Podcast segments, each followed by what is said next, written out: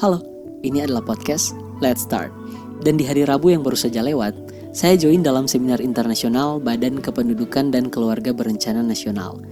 Di dalam seminar dengan tema COVID-19, Public Health and Economic Perspective, ada materi yang sungguh-sungguh sangat menarik dari Prof. Aris Ananta PhD yang menjadi pembicara.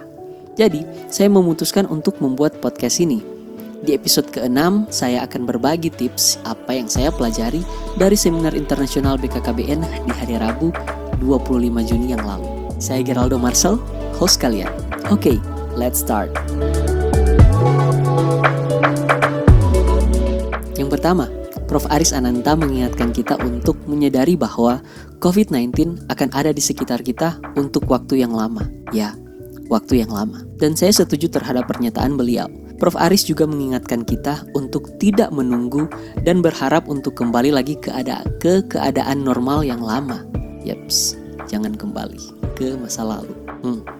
Jadi, kita harus menemukan cara-cara untuk menghadapi dan beradaptasi di keadaan seperti ini. Karena suka atau tidak suka, kita sudah hidup di era new normal dengan norma-norma Selanjutnya beliau menekankan tentang betapa pentingnya membangun ketahanan keluarga dengan cara menerapkan gaya hidup yang sehat dan ramah lingkungan. Kita memulai kebiasaan yang sehat dari keluarga dan membina hubungan yang baik sesama anggota keluarga. Oke, hal berikutnya yaitu pergunakan uang secara bijak.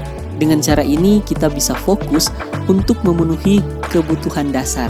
Jadi, kita fokus untuk memenuhi kebutuhan dasar terlebih dahulu, seperti sembako maupun kebutuhan dasar lainnya untuk bertahan hidup. Kita juga harus berinovasi dengan keadaan, berbagi ide, gagasan, dan solusi agar kita bisa tetap aman dan produktif di tengah pandemi. Selanjutnya adalah improving healthy lifestyle atau meningkatkan pola hidup sehat.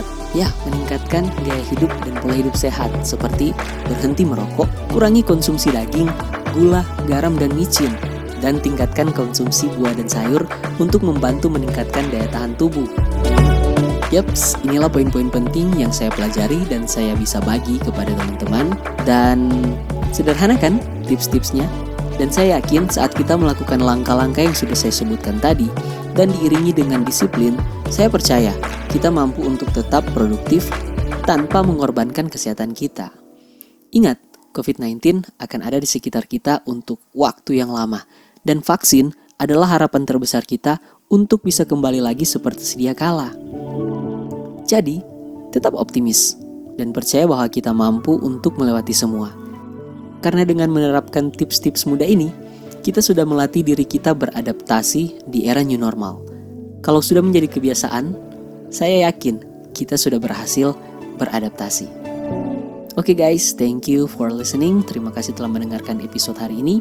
Dan di episode selanjutnya kita akan bahas tentang make an impact no matter how small it is. Buatlah sebuah dampak sekecil apa pun itu. Terima kasih telah mendengarkan dan sampai jumpa lagi di episode berikutnya. Saya Geraldo Marcel, host kalian. God bless Sulawesi Utara.